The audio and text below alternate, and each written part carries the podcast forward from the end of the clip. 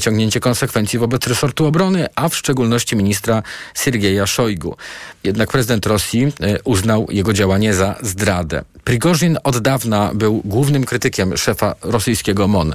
Mówiła w TOK FM wieloletnia korespondentka w Rosji Krystyna Kurcza-Bredlich i bardzo dotychczas na rękę były Putinowi te spory ogromne między Prigorzynem a Szojgu, bo wyglądało na to, no tak, to bojarzy się y, między sobą kłócą, to oni są winni tych przegranych na wojnie, a nie ja, car więc niech się dalej kłócą. Według Prigorzyna rosyjskie Ministerstwo Obrony chciało zdelegalizować grupę Wagnera. Według niego miało do tego dojść z początkiem lipca, jednak bezpośrednim powodem zorganizowania marszu, jak argumentował Prigorzyn, było ostrzelanie Wagnerowców e, przez Rosjan. Człowiekiem, który przedstawia się teraz jako ktoś, kto zażegnał bunt w Rosji, jest Aleksandr Łukaszenka. Jego dzisiejsze wystąpienie komentował w TOK FM Wojciech Konończuk, dyrektor Ośrodka Studiów Wschodnich pokazywał siebie jako, jako tą osobę, która doprowadziła do zawarcia porozumienia, że on był, wykonał usługi pośrednictwa między jedną stroną Kremlem, a drugą stroną Prigorzynem, wykorzystując swoje długoletnie znajomości z Prigorzynem. E, więc to był taki, e, taka długa, długa konferencja, kiedy on się tak naprawdę chwalił, jaki jest świetny, efektywny, jak, jak dobrze udało mu się rozwiązać kryzys najpoważniejszy w ciągu ostatnich ponad 20 lat kryzys wewnętrzny w Rosji, więc no, Łukaszenka nigdy nie grzeszył skromnością, ale wydaje się rzeczywiście akurat w tym, e, jeśli chodzi o tą sytuację polityczną, to, e, to jeśli kogoś akcje poszły w górę, to z całą pewnością Łukaszenki. W ocenie gościa Agnieszki Lichnerowicz Prigorzyn nie stanowi dla Łukaszenki zagrożenia. Prigorzyn bez swoich ludzi e, pod kontrolą służb białoruskich, no to nie jest żaden przeciwnik dla Łukaszenki. Więc wydaje mi się, że po pierwsze Łukaszenki nigdy nie należy nie doceniać. To jest człowiek, który ma bardzo długie doświadczenie polityczne, prawda? Zaczynał jako, jako prezydent Białorusi wybrany e, dokładnie zresztą e, 30, 29 lat temu, więc no mało kto na obszarze byłego Związku Sowieckiego ma tak duże doświadczenie, kontakty, ale też to pewien talent polityczny, czego, czego na pewno mu nie można odmówić. Więc on on, on gra głównie na siebie i też pytanie jest takie, czy Prigorzyn e, jak trafi do Mińska, zostanie tam, czy to może będzie dla niego tylko taka krótkotrwała przechowalnia, w zależności od dalszego rozwoju sytuacji w Rosji, a może na przykład zdecyduje się na, na przeniesienie do Afryki, gdzie ma nie tylko swoich ludzi, ale również swoje biznesowe interesy. O okolicznościach pobytu Prigorzyna w Białorusi informuje telewizja Sky News, powołując się na amerykańskiego urzędnika. Ze względów bezpieczeństwa ma on przebywać w jednym z nielicznych hoteli w Mińsku pozbawionych okien. Tok 360. Nawet 40 tysięcy urzędników może stracić pracę. Powodem nowe przepisy o służbie cywilnej, które przewidują lustrację urzędników państwowych. Kierownicy urzędów mają 7 dni na przekazanie prezesowi Instytutu Pamięci Narodowej listy wszystkich pracowników urodzonych przed dniem 1 sierpnia 1972 roku i wtedy zacznie się badanie, czy pracowali oni albo współpracowali z aparatem bezpieczeństwa PRL-u. Wobec ustawy jest kilka poważnych prawnych wątpliwości. O nich e, w tej chwili i o skutkach tej ustawy opowie reporter TOK FM Maciej Kluczka. Ustawa wprowadza zakaz zatrudnienia w korpusie służby cywilnej oraz w urzędach państwowych osób, które między 44 a 90 rokiem pełniły służbę i pracowały w organach bezpieczeństwa państwa. Organ bezpieczeństwa, co to dokładnie takiego? O tym rzecznik Instytutu Pamięci Narodowej, dr Rafał Leśkiewicz. Istotą jest to, że e, jeżeli ktoś służył e, na rzecz e, jednostek totalitarnego państwa komunistycznego, to każda współpraca, każda służba i każda praca była zła. To znaczy nie ma tutaj przypadków, które, które funkcjonując w organach bezpieczeństwa państwa w jakikolwiek sposób wypełniały tę pracę na rzecz państwa polskiego. Nie było to państwo mm, suwerenne, niepodległe, mówimy o państwie totalitarnym. Są innego typu zawody niż na przykład milicjant, niż sekretarka w urzędzie. Zdecydowanie tak. Mówimy tutaj o całym aparacie represji, którego podstawową rolą były represje, inwigilacja, szykany, zbrodnie. Rzecznik IPN-u mówi, że rola Instytutu będzie wyłącznie informacyjna. Historycy wyłącznie powiedzą, czy ktoś współpracował ze służbami PRL-u, czy nie. Więc my pełnimy tylko jakby rolę, oczywiście kluczową w kontekście e, dalszych decyzji podejmowanych przez e, pracodawcę, bo to od informacji Instytutu Pamięci Narodowej będzie zależało, jaką decyzję podejmuje pracodawca. Taka informacja powędruje do pracodawcy. Jeżeli będzie dla pracownika niekorzystna, a więc oznaczająca współpracę z bezpieką, to pracodawca, na przykład naczelnik urzędu, nie będzie miał wyjścia. Będzie musiał taką osobę zwolnić. Przypomnijmy, cały czas mówimy o administracji publicznej, w tym samorządowej. I choć intencje ustawy są słuszne, bo podkreślmy, chodzi o współpracę ze służbami, które inwigilowały, szykanowały m.in. opozycjonistów, księży czy artystów, to wątpliwości budzi fakt, że po informacji IPN-u szef danego pracownika nie będzie miał wyboru. Będzie musiał go zwolnić automatycznie, a od tej decyzji pracownik nie będzie mieć ścieżki odwołania. Może to zrobić już prywatnie, już po zwolnieniu z pracy. A po ośmiu latach rządów obecnej ekipy, co pokazują statystyki, na wyroki sądowe czekamy dłużej niż krócej, mówi mecenas Mariusz Paplaczek. Mocą decyzji mm, Sejmu stracą pracę. Jest pytanie o możliwość odwołania do sądu, o to, czy taka decyzja polityczna będzie pod kontrolą. No mamy przecież przyjęte rozwiązanie trójpodziału władz. Mecenas zna tę tematykę, bo prowadził już sprawy około 300 klientów, którzy skarżyli się do sądów o obniżenie swoich tzw. Tak emerytur mundurowych po wejściu w życie ustawy dezubekizacyjnej. Większość tych spraw wygrał. Podobnie może być w tym przypadku, mówi prawnik i poseł Lewicy Krzysztof Śmiszek, który dodaje, że wygrane sprawy w sądach obciążą później nas, podatników. Ta ustawa, czy model odpowiedzialności przypomina raczej model odpowiedzialności zbiorowej, a nie indywidualnej. Od dziś w ciągu siedmiu dni przełożeni osób objętych obowiązkiem lustracji muszą przekazać do IPN-u listę wszystkich pracowników urodzonych przed sierpniem 72 roku. Później zlustrują ich pracownicy IPN-u. Informacje o ich przeszłości prześlą do pracodawców. Ta informacja o przeszłości będzie więc od razu decydować o przyszłości tej zawodowej. A te wszystkie informacje i komentarze zebrał dla Państwa reporter TOK FM Maciej Kluczka. TOK 360. Ten wtorek to także najnowszy sondaż Ipsos dla TOK FM i Okopres. Tym razem respondenci byli zapytani o to, na jaką partię oddaliby głos, gdyby nie mogli zagłosować na kandydata e, preferowanego przez siebie ugrupowania. Okazuje się, że tylko 3% z nich e, przerzuciłoby, e, tak to nazwijmy, swój głos na Prawo i Sprawiedliwość. Koalicja Obywatelską jako swój drugi wybór wskazało 11% badanych, a najczęściej w roli alternatywy występowała Lewica, którą wybrał prawo prawie co piąty ankietowany. Prawo i Sprawiedliwości pozostaje już w dużej mierze tylko tak zwany betonowy elektorat, mówiła w TOK FM politolożka z Uniwersytetu Warszawskiego Renata Mieńkowska-Norkiene. To, co jest y, najciekawsze w tym wszystkim, to jest oczywiście sufit PiSu i to, że PiS, y, mówiąc krótko, już dużo więcej zyskać nie może. Nasza gościni zwróciła uwagę, że 8% wyborców jako swój drugi wybór wskazało Konfederację. Zdaniem politolożki wybierają ją przede wszystkim młodzi, antysystemowi mężczyźni gdzie w Polsce przebiega ta główna linia podziału. To jest linia pokoleniowa. Dlatego na przykład tak bardzo rośnie Konfederacja. Ci mężczyźni mogą po wyborach znaleźć się w sytuacji, w której oto ich um, ukochana Konfederacja może stworzyć koalicję z PiSem. Ludowców razem z Polską 2050 jako swoją alternatywę wskazało 13% ankietowanych. Dla 4% drugim wyborem jest rolnicza Agrounia. Prawie co siódmy wyborca nie potrafi dziś wskazać, kto jest jego opcją numer dwa. Tyle samo, czyli 15% nie mogąc głosować na swoją partię, nie zagłosowałoby w ogóle. A ten sondaż tradycyjnie znajdą Państwo na tokfm.pl.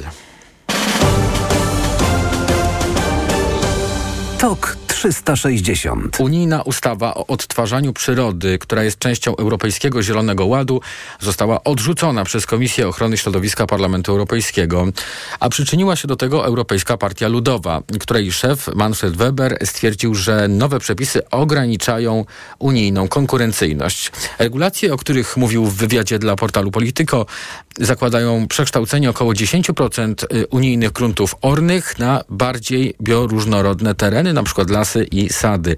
A tak restrykcyjnych regulacji w ocenie Webera partia poprzeć nie może, bo groziłyby one wyższymi cenami żywności i odcięciem źródeł dochodu dla rolników. Stąd apel, by Komisja Europejska przedstawiła nowe rozwiązania.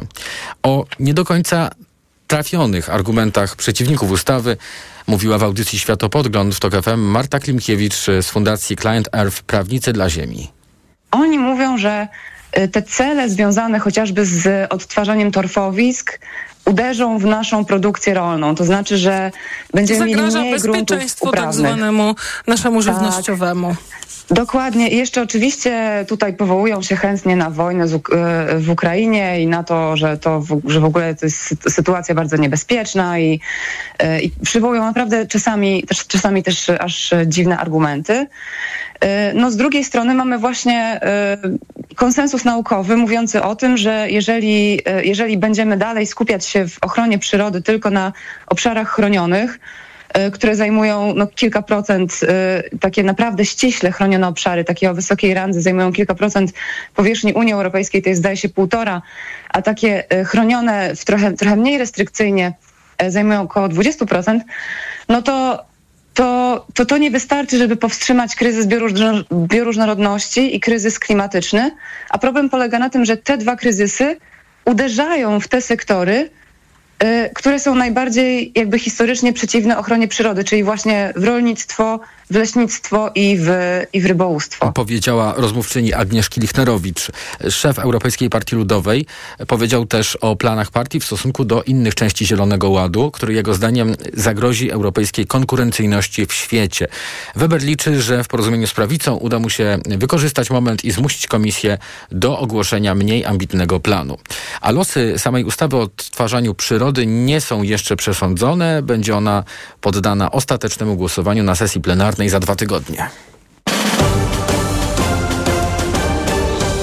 TOK 360. Tajemnicza choroba zabijająca koty to prawdopodobnie ptasia grypa. Wirusa potwierdziły badania zlecone przez głównego lekarza weterynarii. Weterynarze ostrzegają, by zachować środki ostrożności o to, jak chronić zwierzęta i czy choroba zagraża ludziom, pytała Paulina Nawrocka.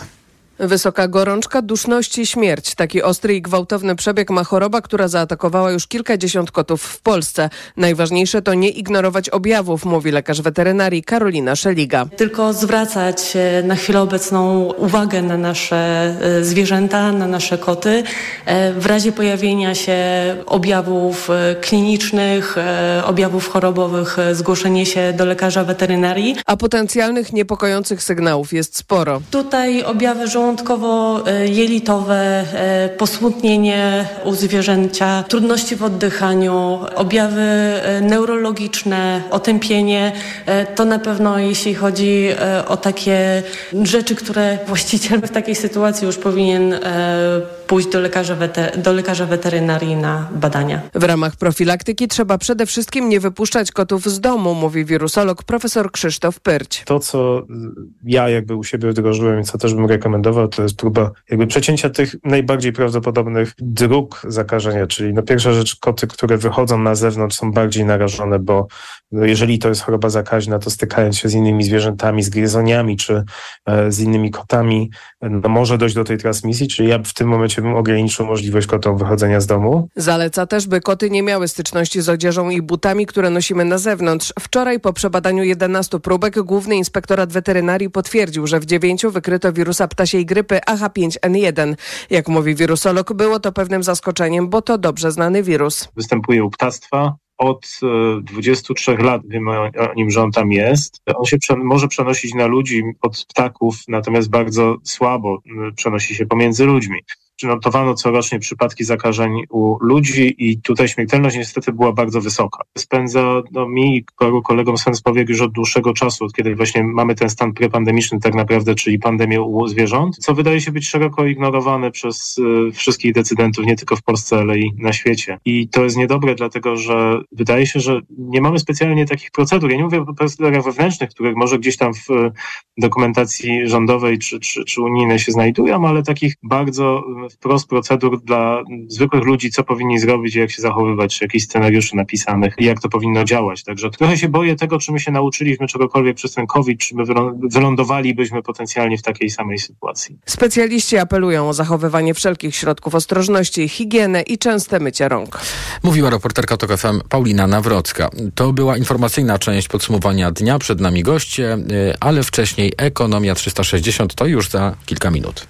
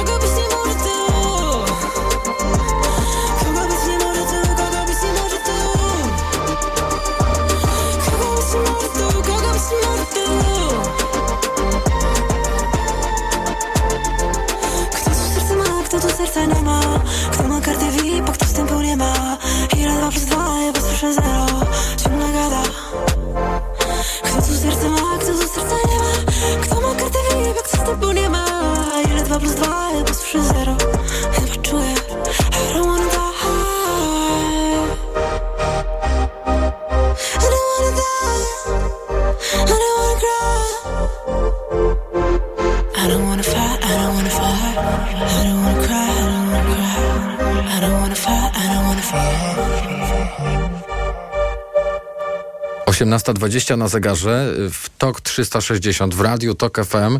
Pora na ekonomiczne podsumowanie dnia. Ekonomia 360. Wojciech Kowalik. Za wzrost inflacji w Europie w niemal połowie odpowiadają zyski przedsiębiorców. Tak wynika z najnowszego raportu przygotowanego przez Międzynarodowy Fundusz Walutowy. Jak czytamy, w ciągu ostatnich dwóch lat część firm podnosiła swoje ceny mocniej niż wynika to ze wzrostu kosztów energii. Tomasz Setta. Analitycy funduszu wzięli pod lupę strefę euro i sprawdzili w jakim stopniu za inflację odpowiadają tam koszty pracy, koszty importu, podatki czy zyski firm. Ostatnia pozycja wyniosła 45%, co nie oznacza, że to przedsiębiorcy wywołali inflację, ale część firm mogła na tym skorzystać, bo klienci pogodzili się z drożyzną, komentuje Piotr Bielski z Santander Bank Polska. Firmy podnosiły ceny no w pewnym sensie, bo mogły i w sytuacji takiej siły jednak odporności konsumenta i popytu konsumpcyjnego mogły przerzucać na konsumenta nawet więcej niż by wynikało jeden do jednego z kosztów rosnących. Najnowsze dane o inflacji w Polsce GUS poda w piątek. Eksperci spodziewają się kolejnego hamowania, tym razem z 13 do okolic 12%. Tomasz Setta, TOK FM. A jak wynika z opracowania Polskiego Instytutu Ekonomicznego, 3 czwarte polskich firm w ubiegłym roku podniosło swoje ceny. Najczęściej wskazywanym powodem był wzrost kosztów surowców i komponentów, a także wzrost kosztów działania, a więc energii oraz kosztów pracy. O 20-30% mogą w przyszłym roku wzrosnąć ceny energii, mówiła w magazynie EKG Joanna Maćkowiak-Pandera, szefowa Forum Energii. Mimo to rządzący wciąż nie wiedzą, czy będą dalej mrozić ceny prądu i gazu, tak jak dzieje się to w tym roku. Na decyzję w tej sprawie dają sobie czas do jesieni, a sygnały możliwego wzrostu cen w przyszłym roku widać już teraz, dodaje szefowa Forum Energii. Wczoraj nawet analizowaliśmy ceny energii elektrycznej w Polsce z dostawami na przyszły rok i widzimy, że te wzrosty będą znaczące, bo to są jakby kontrakty, które już w tej chwili są zawierane, więc widać, jaka jest wartość tych kontraktów. Nie widzę takich czynników, które by powodowały, że ceny energii elektrycznej e, w przyszłości miałyby spadać i w związku z tym mniej oddziaływać właśnie na, na gospodarkę. On, ten, ten wzrost cen będzie znacząco wyższy, o 20-30%. 10%. Widzimy te wzrosty w stosunku do roku 2022, bo ten nie jest e, zamrożony, prawda? A eksperci zwracają uwagę, że jeżeli rząd przestanie mrozić ceny energii, to zobaczymy to nie tylko na rachunkach, ale też w rosnącej inflacji. Drugi kwartał tego roku nie przynosi jeszcze wyraźnego odbicia w polskiej gospodarce. Wskazują na to dane, jakie poznaliśmy za maj. Najjaśniejszym punktem w gospodarczym krajobrazie wciąż jest rynek pracy. Za to wciąż zadyszkę mają dwa pozostałe silniki, a więc przemysł i nasza konsumpcja. Zwracał uwagę w raporcie gospodarczym TOK FM Łukasz Tarnawa, główny ekonomista Banku Ochrony Środowiska. Jeśli to y, odbicie jest, to jest bardzo, bardzo e, delikatne. Raczej, no tak jak pamiętamy w pierwszym kwartale spadek PKB to było 30%, no a teraz mówimy o zerowym wzroście, czy też stabilizacji PKB, no może lekki e, minus, może lekki plus. Dopiero druga połowa roku, jeśli nic nas nie zaskoczy, pokaże naszym zdaniem no właśnie ożywienie tam, gdzie naj mocniej aktywność była ściągana dotychczas, czyli właśnie w obszarze y, konsumpcji prywatnej. Bo od czerwca znów po wielomiesięcznej przerwie mogą realnie zacząć rosnąć pensje. Tu Radio Tok FM, pierwsze radio informacyjne. Rząd przyjął projekt ustawy podnoszącej świadczenie 500 plus do 800 zł. Te zmiany mają wejść w życie dopiero od nowego roku i będą kosztowały państwową kasę 24 miliardy złotych rocznie. A skoro mowa o państwowej kasie, to powiększa się dziura budżetowa. Po maju mocno wzrósł deficyt do 20 miliardów złotych. Wyraźnie zmniejszyły się wpływy z podatku PIT. To wciąż efekty zamieszania podatkowego z ubiegłego roku. Spadły też dochody z podatku od firm, czyli CIT-u. O 5% wzrosły za to dochody z VAT-u.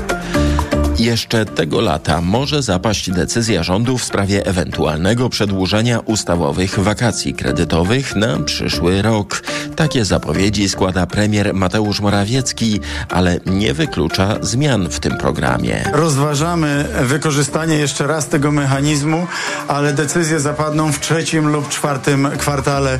Niewykluczone, że już w lipcu, już w lipcu lub sierpniu decyzje mogą dotyczyć na przykład jednego półrocza i mogą mogą również zawierać kryterium dochodowe, ale tak jak powiedziałem, zobaczymy jaki jest poziom e, niespłacanych kredytów, jak szybko spadają stopy procentowe, jakie są nadzieje na szybsze obniżki stóp procentowych i wtedy podejmiemy odpowiednie decyzje. Sądzę, że w najbliższych dwóch miesiącach najpóźniej. Na razie ustawowe wakacje kredytowe obowiązują do końca roku. Kredytobiorcy złotowi mogą zawiesić spłatę jednej raty w kwartale. 4 zł 44 grosze, tyle kosztuje dziś euro, frank po 4,52, dolar 4,05, funt po 5,17, a na warszawskiej giełdzie WIG w dół o 1%, WIG 20 o prawie 1,5%. Ekonomia 360. Radio TOK FM. Pierwsze radio informacyjne. Pogoda. Środa będzie podobnie jak wtorek, chłodna i pochmurna. Na północy, wschodzie i południowym wschodzie kraju możemy się spodziewać burz i przelotnego deszczu, a na termometrach w południe 16 stopni w Poznaniu, 18 w Warszawie i Wrocławiu, 22 w Szczecinie. Tok 360. W podsumowaniu dnia już za chwilę połączymy się z generałem profesorem Bogusławem Packiem, generałem dywizji w stanie spoczynku, dyrektorem Instytutu Bezpieczeństwa i Rozwoju Międzynarodowego, z którym będę rozmawiał o sytuacji na froncie w Ukrainie. Reklama. Dlaczego wybrałem Toyotę CHR? Bo jest idealna. Niesamowity styl, dwukolorowe nadwozie. Nie da się jej przegapić. Aluminiowe felgi, najnowsze systemy bezpieczeństwa, klimatyzacja, a wykończenie? Najwyższa jakość. Dopracowana na tip-top. Do tego łączy w sobie miejski styl i niezawodny i oszczędny napęd hybrydowy. Od razu widać, że ma charakter. Teraz Toyota CHR dostaniesz w Toyota Outlet z rabatem nawet do 11 400 zł. Szczegóły na toyota.pl Teraz w Carrefourze akcja antyinflacja. Wybrane płatki śniadaniowe Nestle 7,99 za opakowanie przy zakupie dwóch, a artykuły małego AGD z rabatem do 20% w postaci e-kuponu na kolejne zakupy. Oferta ważna do 1 lipca. Szczegóły na carrefour.pl. Od 10 lat mam Ducato. Kupiłem jako nowe. Mam jeszcze inne dostawczaki, ale ten jest najbardziej wytrzymały. Prawdziwy wół roboczy. Teraz wszystkie modele dostawcze Fiata Professional dostępne są w leasingu dla firm od 102%. Sprawdź w salonach lub na fiatprofessional.pl. Reklama. TOK 360. Ukraińskie wojska odbiły w Donbasie fragment terytorium okupowanego przez Rosję od 2014 roku. Brytyjskie Ministerstwo Obrony podkreśla, że to jest jeden z pierwszych takich przypadków od czasu wybuchu pełnoskalowej wojny. Na ten temat będę rozmawiał teraz z generałem profesorem Bogusławem Packiem, generałem dywizji w stanie spoczynku i dyrektorem Instytutu Bezpieczeństwa i Rozwoju Międzynarodowego. Dzień dobry, witam w Radiu Tok FM. Dzień dobry, witam serdecznie. To może zacznijmy od tego, o jakim my w ogóle odbitym obszarze mówimy i czy to ma ta, takie wyłącznie symboliczne znaczenie, czy też może trudniej jest odbić te tereny, które były tak długo pod władaniem Rosji? To jest trudna wojna. Mówimy o terenach, tak naprawdę o miejscowości Krasnochorivka, czyli o, o, o wiosce w pobliżu Doniecka, w obwodzie donieckim. Dzisiaj obwód doniecki jest wciąż obwodem trudnym dla kontrowersywy rosyjskiej. Łatwiej im bardziej na północ, w obwodzie ługańskim coś działać. E, natomiast e, jak to należy podsumować? No nie jest to oczywiście przełom w wojnie. E, od, odbicie jakiegokolwiek terenu wielkości e, kilkuset metrów, czy kilku nawet kilometrów kwadratowych, jeżeli mówimy o wojnie dwóch państw, e, nie może stanowić takiego przełomu. Ale to jest ważny symbol i ważne działanie, ponieważ tych e, małych zwycięstw w ostatnich dniach jest więcej. E, Ukraińcy z powodzeniem działali i działają w rejonie Bachmutu, e, bardziej na północ. E, tam także niszcząc znaczne siły e, przeciwnika e, rosyjskie, także odbijając e, sporą część terenu, ale tego zajętego już po lutym 2022 roku. W związku z powyższym to są takie optymistyczne bardziej akcenty i, i symbole, jeżeli chodzi o, o efekty wojennej ale bardzo istotne, ponieważ no, nie ma co powiedzieć, nie ma co, nie ma co ukrywać. Te pierwsze dni kontrofensywy, e, nawet przy największym pocieszaniu Ukraińców, one pomyślne dla Ukrainy nie były.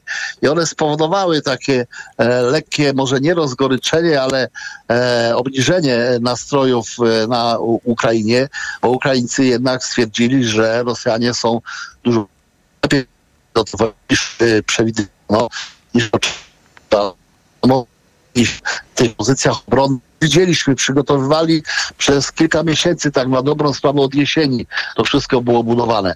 Ale niezależnie od tego, e, co wiedziano, to jednak te gęste pola minowe, te bardzo solidnie zbudowane e, zapory, z, przygotowane okopy, e, przeszkody betonowe, e, zasieki, to wszystko, co e, stanowi e, e, umocnienie obronne terenu, rzeczywiście jest skuteczne i sami Rosjanie także wyciągnęli wnioski. Ukraińcy zadyszkę aż do, do tego feralnego dnia dla Putina z historią z Prigorzynem w tle, Rosjanie kiedy duch lepiej jak się gdyby znowu Mhm. powstały. Rosjanie się lepiej y, przygotowali y, właśnie na tę kontrofensywę pod względem y, obrony terytoriów, które okupują. Natomiast do tej pory, i tutaj trochę zmienimy temat, ale to jest bardzo istotne z punktu widzenia także wydarzeń na froncie.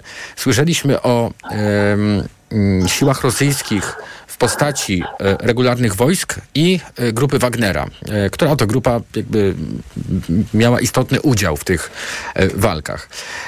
Wiadomo, że Jewgeni Prygorzyn jest w Białorusi w tej chwili i w związku z tym moje pytanie, w jaki sposób to wpłynęło na potencjał w ogóle Rosji, który do tej pory właśnie to byli także Wagnerowcy i czy, czy oni w ogóle w tej chwili uczestniczą w walkach?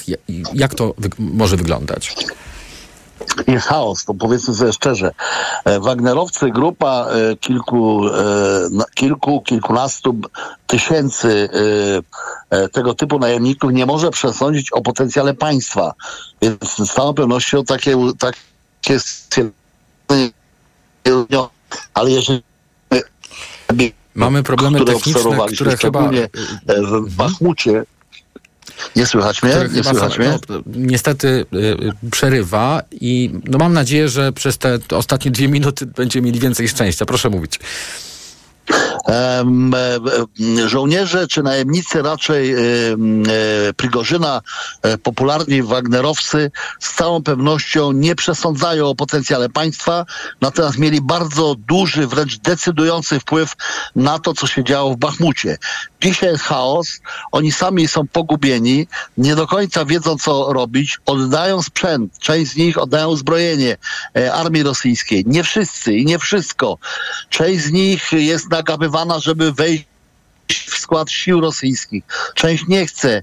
Nie wszyscy wiedzą, czy e, będą nadal tworzyli taką grupę Wagnera. W związku z powyższym to jest okres chaosu e, na czele z Prigorzynem. Myślę, że e, dzisiaj trudno jeszcze wyrokować, w jakim kierunku to pójdzie.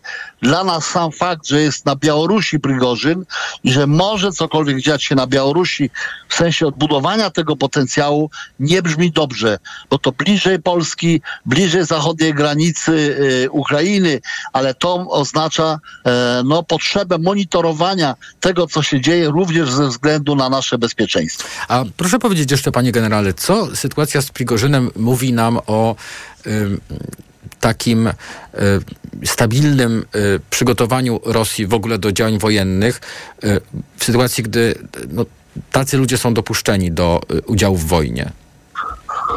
Myślę, że dzisiaj Putin żałuje tego, że wykorzystał e, Prigorzyna i Wagnerowców, bo widzi, że zrobił sobie wielki problem. Tego typu formacje są wykorzystywane przez Rosję i były wykorzystywane z powodzeniem poza granicami.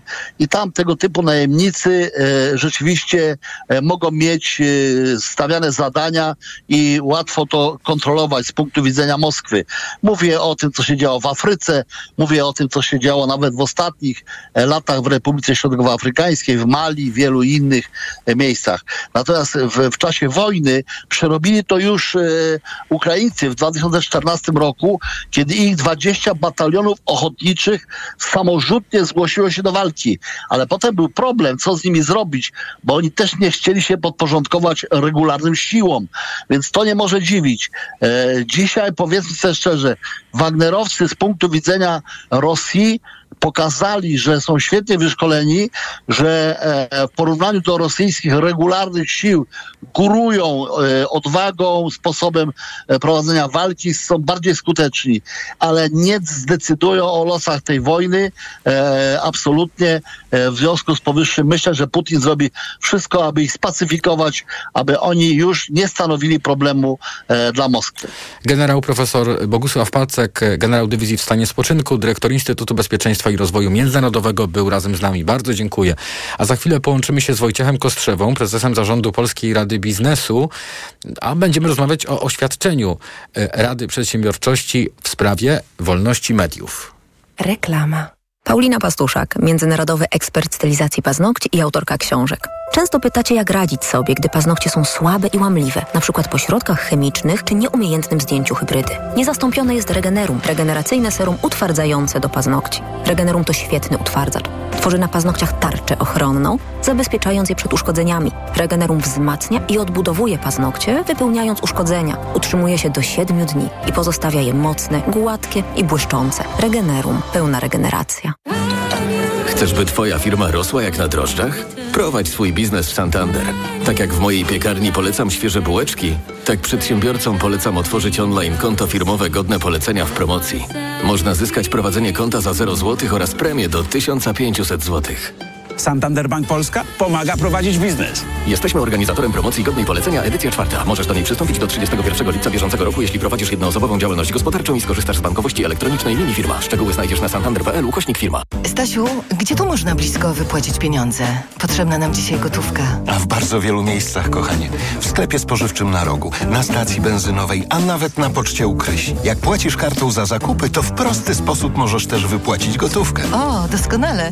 No dobrze, chodźmy na zakupy i załatwimy to przy okazji. Płacąc kartą za zakupy przy okazji wypłacisz gotówkę. Szczegóły na polskabezgotówkowa.pl. Usługa dostępna m.in. w sklepach Carrefour, Gzella, Netto, Sokołów, Empik i w punktach ruchu. Ale ty schudłaś. Nie zgadniesz dzięki czemu. Zmieniłam preparat magnezu. Na magiczny magnes? Na Neomax Slim. Neomax Slim to suplement diety, który dostarcza magnez, a do tego dzięki nasionom kolanitida wspomaga odchudzanie. Skoro i tak bierzesz magnez, wybierz Neomax Slim. I przy okazji zadbaj o smukłą sylwetkę. Tak zrobię. Tobie także przyda się zdrowa dawka magnezu. Neomax Slim. Więcej niż magnez. Aflofarm. Tak, słucham. Z tej strony Hubert Urbański. Twój przyjaciel potrzebuje pomocy z pytaniem eh, o inflację.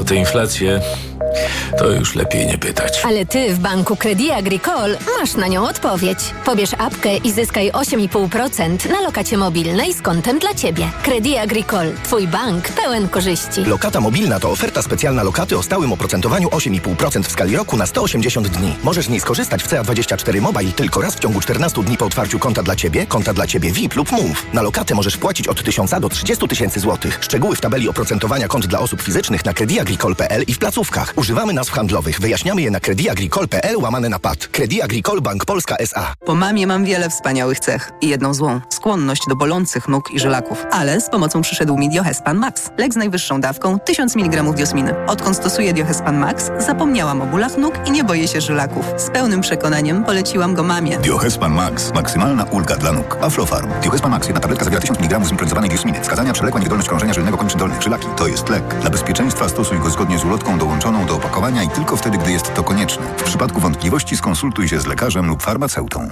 Latem jest tyle do zobaczenia. Zamki z piasku na plaży, kolorowe motyle na spacerze, widoki w czasie wycieczki rowerowej. Może warto pomyśleć o nowych okularach? Teraz Vision Express wyprzedaż. Okazja jak się patrzy. Modne okulary do korekcji wzroku z oprawami topowych marek z rabatem aż do 40%. Do zobaczenia w Vision Express. Szczegóły i regulamin akcji dostępne w salonie i na visionexpress.pl. To jest wyrób medyczny. Używaj go zgodnie z instrukcją używania lub etykietą. Reklama.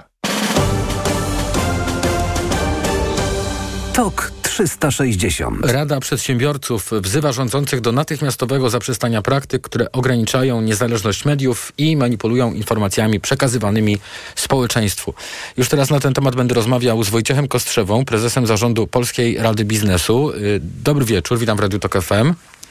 Dobry wieczór, panie redaktorze, dobry wieczór państwu. Y, to y, państwa działanie wpisuje się w ciąg właśnie takich zdarzeń, które y, mogą budzić niepokój, jeśli chodzi o wolność mediów w Polsce. Redaktorzy naczelni Onetu i Wirtualnej Polski twierdzą, że ludzie powiązani z PiSem próbowali wpłynąć na linię redakcyjną tych portali. To chciałem zapytać na początek, y, dlaczego państwo postanowili zareagować i, i, czy coś by pan tutaj wyróżnił, y, na coś by pan chciał zwrócić uwagę słuchaczom, co świadczy o y, ograniczaniu wolności mediów w Polsce? Przede wszystkim chciałbym powiedzieć, że e, Rada Przedsiębiorczości od e, co najmniej dwóch lat, czyli od e, ataku na TVN24 i później problemów z przedłużeniem koncesji, bardzo aktywnie wypowiada się na temat wolności mediów i ochrony tej wielkiej zdobyczy polskiej demokracji, jaką są wolne media. Wypowiadaliśmy się również w sprawie państwa stacji, w sprawie e, TOK FM, e, postępowania przed Krajową Radą, ale również procesem koncesyjnym. E, wypowiadaliśmy się w sprawie Radia Z i wypowiadaliśmy się również w sprawach innych mediów. E, więc to wpisuje się w nasze rozumienie misyjności i zadań, jakie stoją przed polskim biznesem. Bo my nie możemy zostawić wolnych mediów samych, ale jednocześnie oczekujemy też, że wolne media będą patrzyły jako ta czwarta władza e, na ręce rządzącym, wszystkim rządzącym i wszystkim politykom. A proszę powiedzieć, jak by pan to zdiagnozował? To znaczy, żyjemy w demokratycznym państwie. Od 30 lat cieszymy się wolnym rynkiem, także medialnym. Co tutaj się psuje, że pojawia się niepokój? E, no psuje się bardzo wiele. Psuje się e, zarówno w tej części rynku, e, która jest koncesjonowana, czyli mówimy tutaj o stacjach radiowych, stacjach telewizyjnych, ale przykład Onetu i Wirtualnej Polski jest jeszcze groźniejszy, dlatego że pokazuje, iż ta władza, jej wysłannicy zaczynają ingerować również w część rynku nieregulowanego. E, I e, robią to w sposób, e, mówiąc szczerze, mało finezyjny, dlatego że wpaść na pomysł, żeby zainstalować zastępcę naczelnego, który będzie bliższy sympatiom rządzących, no jest pomysłem doprawdy kuriozalnym, a jeszcze wypowiadać to w sposób otwarty, no budzi naprawdę dużo znaków zapytania i e, wątpliwości. Muszę powiedzieć, że e, e, szacunek należy się redaktorom naczelnym obu portali, że opublikowali to zdarzenie.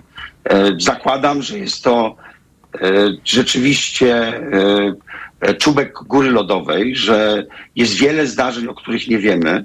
Jest wielu wydawców, którzy nie są tak silni kapitałowy, kapitałowo i być może tego typu rozmowy e, z niektórymi z nich e, zupełnie inaczej się kończą. W jakim e, momencie jesteśmy dzisiaj, jeśli chodzi o wolność słowa w Polsce, krajobraz medialny w pańskiej ocenie?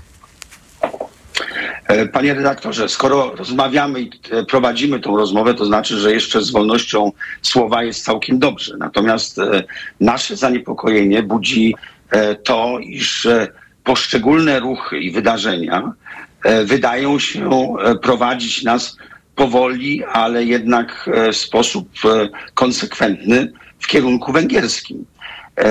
Przecież na, na Węgrzech też nie zniesiono prywatnej własności mediów, ale doprowadzono do tego, że w zasadzie wszystkie media, które miały jakiekolwiek znaczenie na rynku węgierskim, zostały skupione przez E, zaprzyjaźnionych e, z Wiktorem Orbanem e, oligarchów, a te nieliczne, które jeszcze mogą sobie powiedzieć, że są niezależne, wiodą los niszowych portali internetowych. I my przed tym chcemy uchronić Polskę, przed tym chcemy uchronić obywateli i jednocześnie dbamy o to, aby media, które naprawdę wraz z wolnym rynkiem są E, niezbędną częścią składową e, naszego ustroju gospodarczego, aby one zostały zachowane.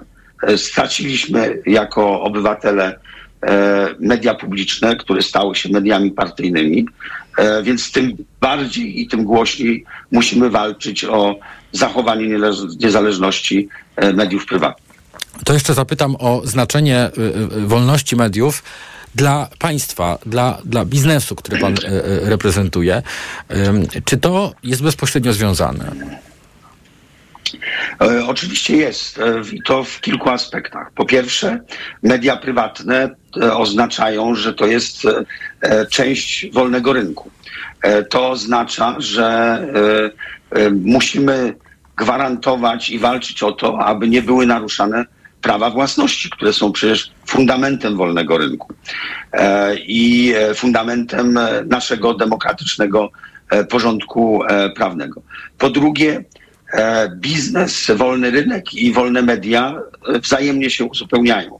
Wolne media mają patrzeć na ręce rządzących, ale mają patrzeć też na to, co się dzieje E, na rynku gospodarczym, bo przecież nie twierdzimy, że e, nie ma czy nie zdarzają się też e, jakieś sytuacje, w których dochodzi do nadużyć. To są niezbędne korektywy, elementy korygujące i utrzymujące ten cały mechanizm w stanie równowagi.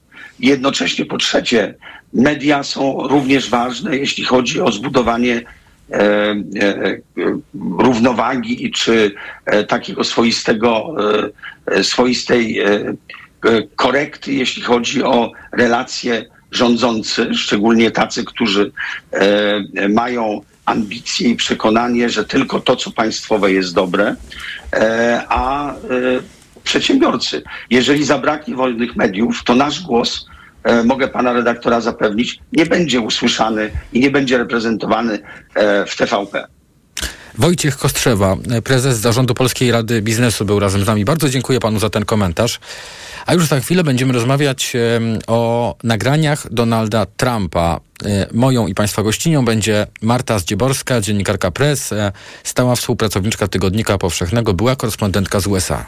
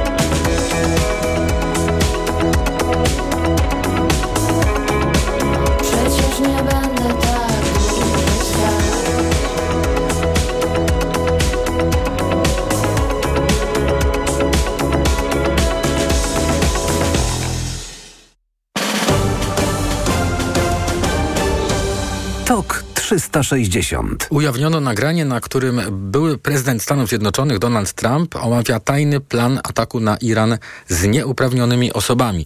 Na ten temat będę teraz rozmawiał z Martą Zdzieborską, dziennikarką press, stałą współpracowniczką Tygodnika Powszechnego, byłą korespondentką z USA. Dzień dobry, witam w Radiu Tok FM.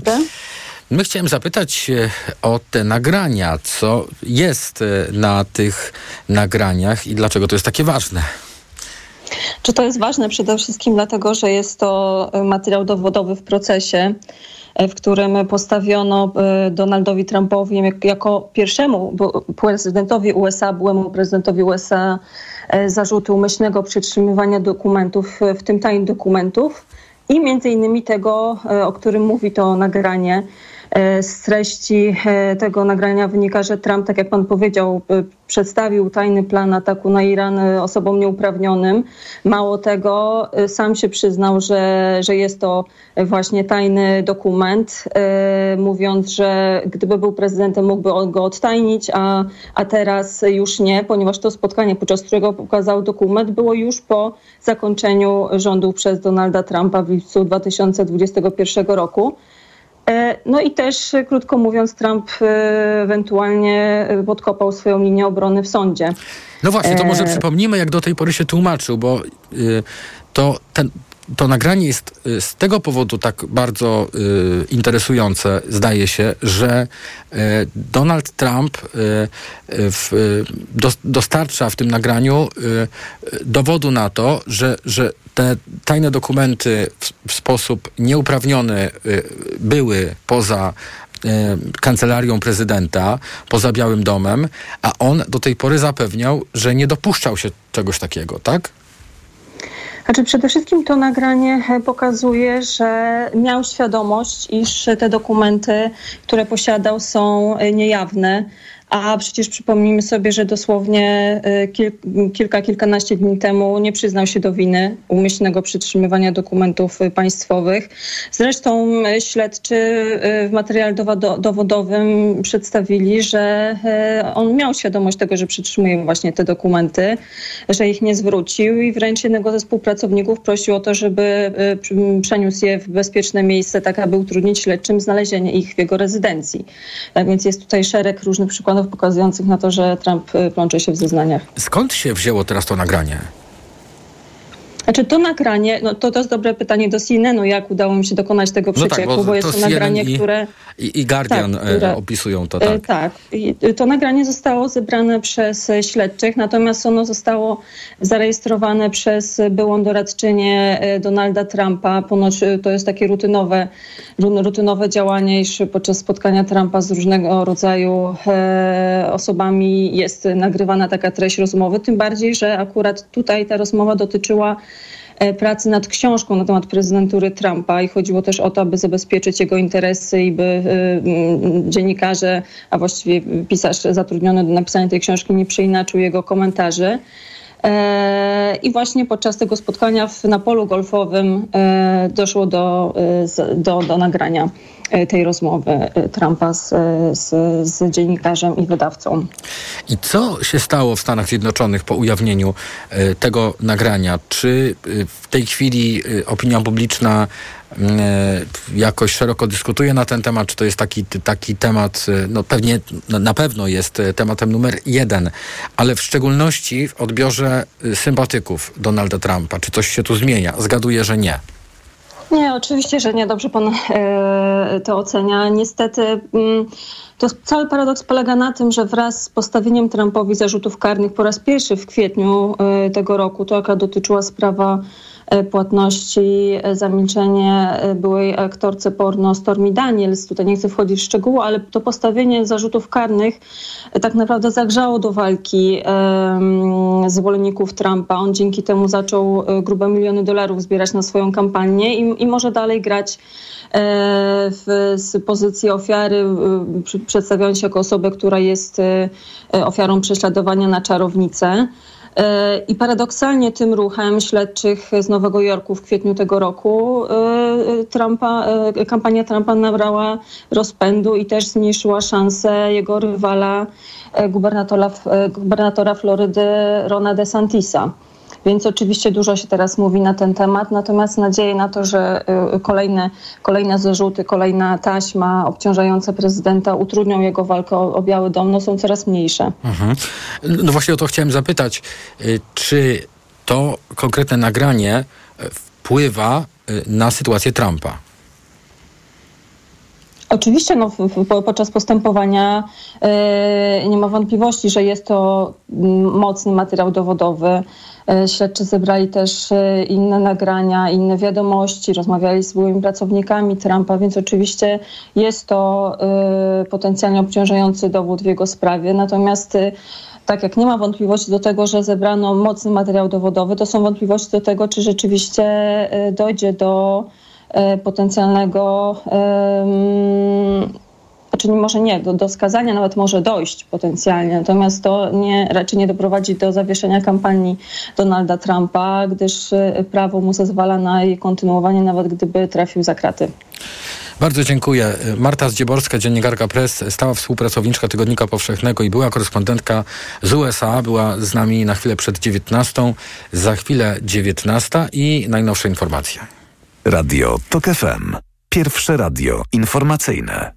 TOK FM przechodzicie teraz to samo, co swego czasu przechodziło y, TVN24. Wasze radio, jako radio, które mówi prawdę, ma być ukarane. Wolne, niezależne media są po prostu niewygodne. W demokratycznym państwie rolą wolnych mediów jest między innymi kontrola władzy, więc elementem takim dosyć podstawowym jest to, że jak wychodzi podręcznik, którym jest szczucie na mniejszości, Bogu ducha winne dzieci z in vitro, to dziennikarza wolnych mediów obowiązkiem jest taki podręcznik recenzować, no a władza, która demokracji nie szanuje, ma z tym problem.